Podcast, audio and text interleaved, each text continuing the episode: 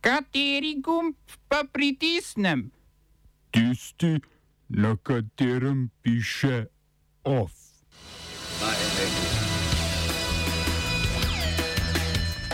Spoštovane zaposlene, cenjeni zaposleni na Ministrstvu za kulturo, tukaj je za vas, a ne vaš OF.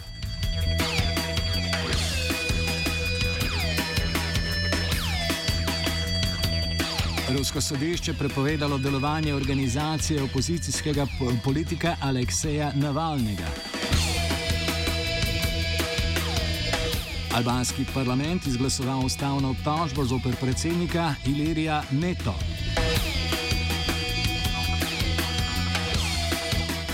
Stavkajoči grški delavci na ulice proti novi delovni zakonodaji. Bivši mongolski premijer Uhna Hurlesuh izvoljen za predsednika.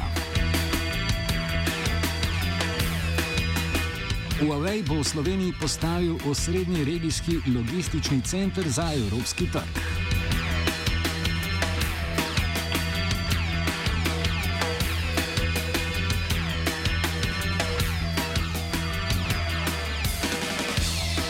Ameriško-kanadsko podjetje TC Energy je sporočilo, da odstopa od načrta gradnje naftovoda Keystone XL.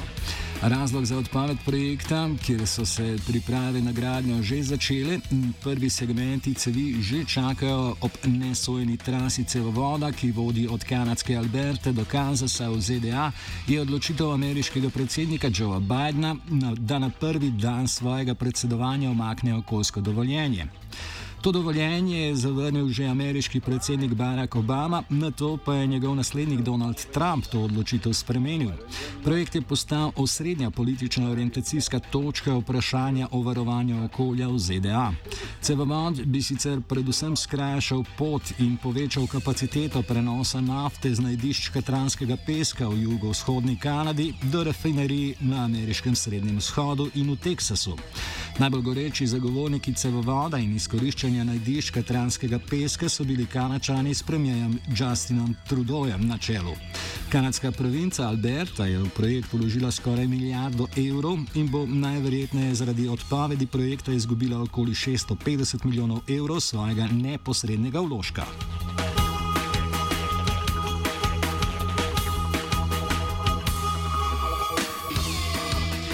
Okviru korupcijske čistke ruskega predsednika Vladimirja Putina je rusko sodišče na včerajšnji razsadbi prepovedalo delovanje organizacije Fundacija proti korupciji opozicijskega politika Alekseja Navalnega.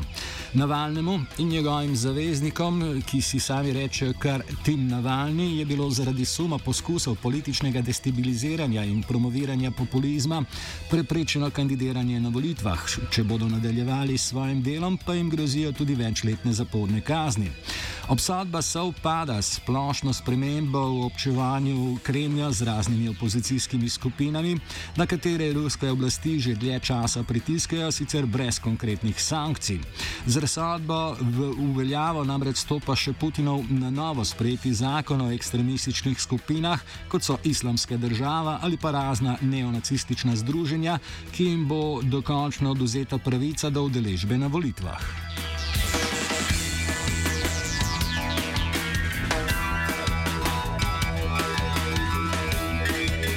Bivši vladni premijer in predsednik mongolske ljudske stranke Uhna Hurlesuh je včeraj postal šesti izvoljeni mongolski predsednik.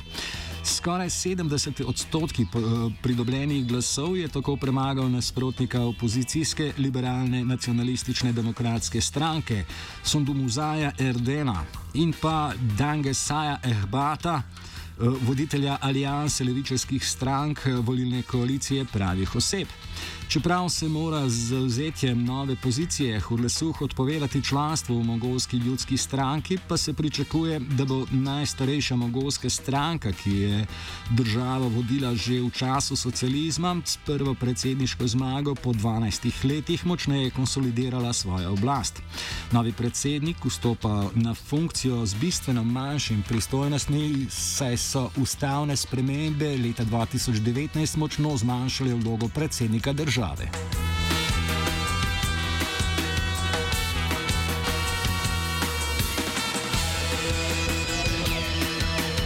Albanski parlament je s 104 glasovi za in sedmimi proti potrdil ustavno obtožbo zoper predsednika države Ilirija Meta. Obtožba se tako seli pred albansko ustavno sodišče, ki mora o zadevi razsoditi v roku treh mesecev. Ustavno obtožbo zoper predsednika so člani vladajoče socialistične stranke Edija Rame napovedali že po aprilskih volitvah.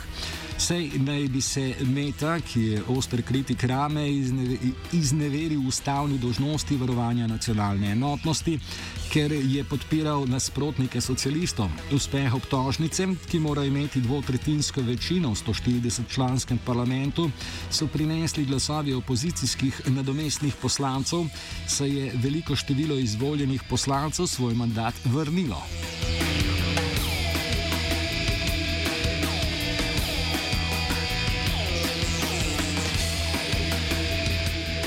Grši delavci so pričeli z obširno stavko proti kontroverzni reformi vladajoče stranke Nova demokracija, s katero bi v veljavo stopil 10-urni delovnik, dovoljena meja nadur bi se zvišala na 150 ur letno, z uvedbo digitalnih delovskih kartic pa bi se lahko, lahko lažje nadzorovalo opravljeno delo.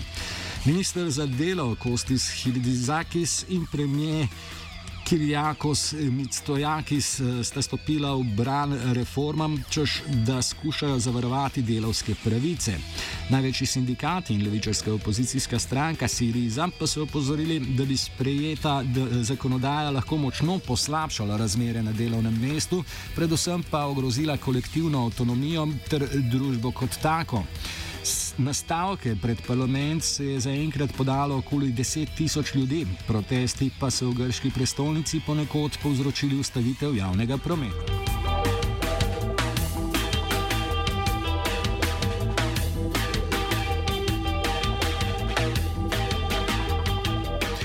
Nedavnih političnih čistkah na Kitajskem je bilo areteranih okoli tisoč posameznikov, ki so z uporabljanjem kriptovalutnih storitev prali sredstva nezakonito pridobljena z raznimi telefonskimi in internetnimi prevarami. Kitajska je sicer že leta 2019 naznanila prepoved finančnih transakcij bitcoina in ostalih kriptovalut, zato pa je pred nekaj tedni še zaostritev boja proti špekulacijam finančnega kapitalizma, kar je povzročilo. Eh, Eh, razpočilo tudi špekulativni balon na področju kriptovalut. Kljub obsežnim akcijam oblasti in vse bolj restriktivni sprejeti zakonodaje, pa spanjajoči se rdeči zmaj še vedno ostaja največje rudnost nahajališče za imaginarno rudarjenje. Saj k hitrosti rudarjenja bitcoina in ostalih kriptovalut prispeva okoli 65 odstotkov računske moči omrežja.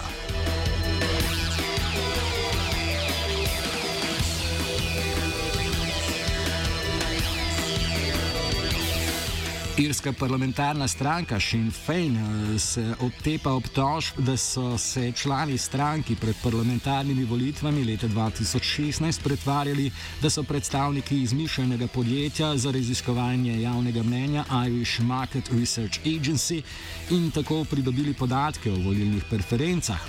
Iz stranke so javnosti sporočili, da so prakso opustili in da so se tega poslužili, ker v časovnem obdobju niso zmogli financirati dejanskih raziskovalcev javnega mnenja.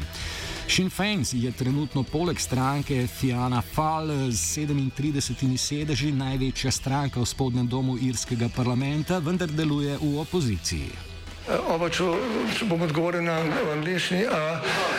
Slovenija bo poskušala pomagati. Slovenija bo naredila naš utmost, da bo rekla, da je situacija naš problem, naš sebe. In bomo naredili nadaljnje korake, as soon as the conditions are. Bomo vlado Marjana Cererera Šarca podprli. Zelo, zelo resno. Slovenija. We know how and we will.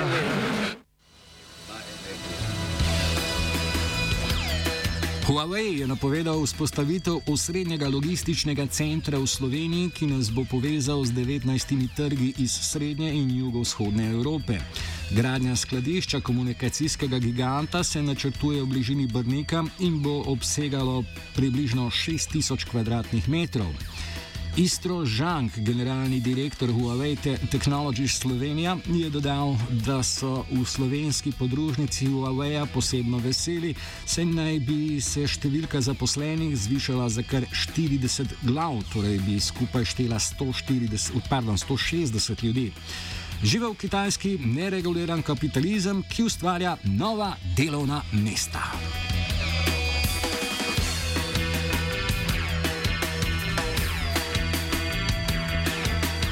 Direktor vladnega urada za komuniciranje Uroš Urbanija je v sredo na okrožno državno tožilstvo v Ljubljani vložil kazensko ovadbo proti predstavnici pravne mreže za varstvo demokracije Katarini Bervar Sternat in odvetnici Nataši Pirc Musar. Omenjena organizacija je namreč skupaj z odvetniško družbo Pirc Musar in Lemus Trle vložila kazensko ovadbo zoper Urbanijo zaradi nespoštovanja zakonskih obveznosti do slovenske tiskovne agencije. Urbanija obtožbama očita, da sta naznalili sum kaznivega dejanja proti njemu, čeprav sta ob uložitvi vedeli, da on tega kaznivega dejanja ni storil. Decembra lani je namreč podobno vadbo že vložil sindikat novinarjev Slovenije, a je bila obtožba zavržena. To je sindikat sicer storil še pred sprejemom sedmega protikoronskega zakona, ki ustanovitelju še bolj eksplicitno nalaga plačilo javne službe STA, tudi v primeru, da pogodba med UKOM in STA ni sklenjena.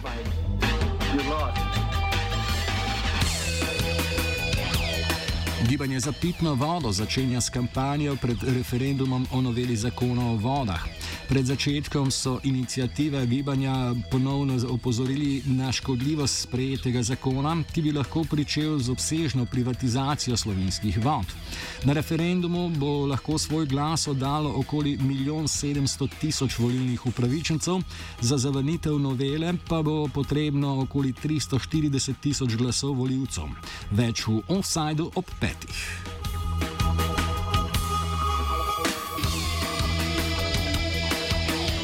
Off so pripravili Matej, Dominik in Gal. Kulturne novice ne sledijo, ker za kulturo denarja ni.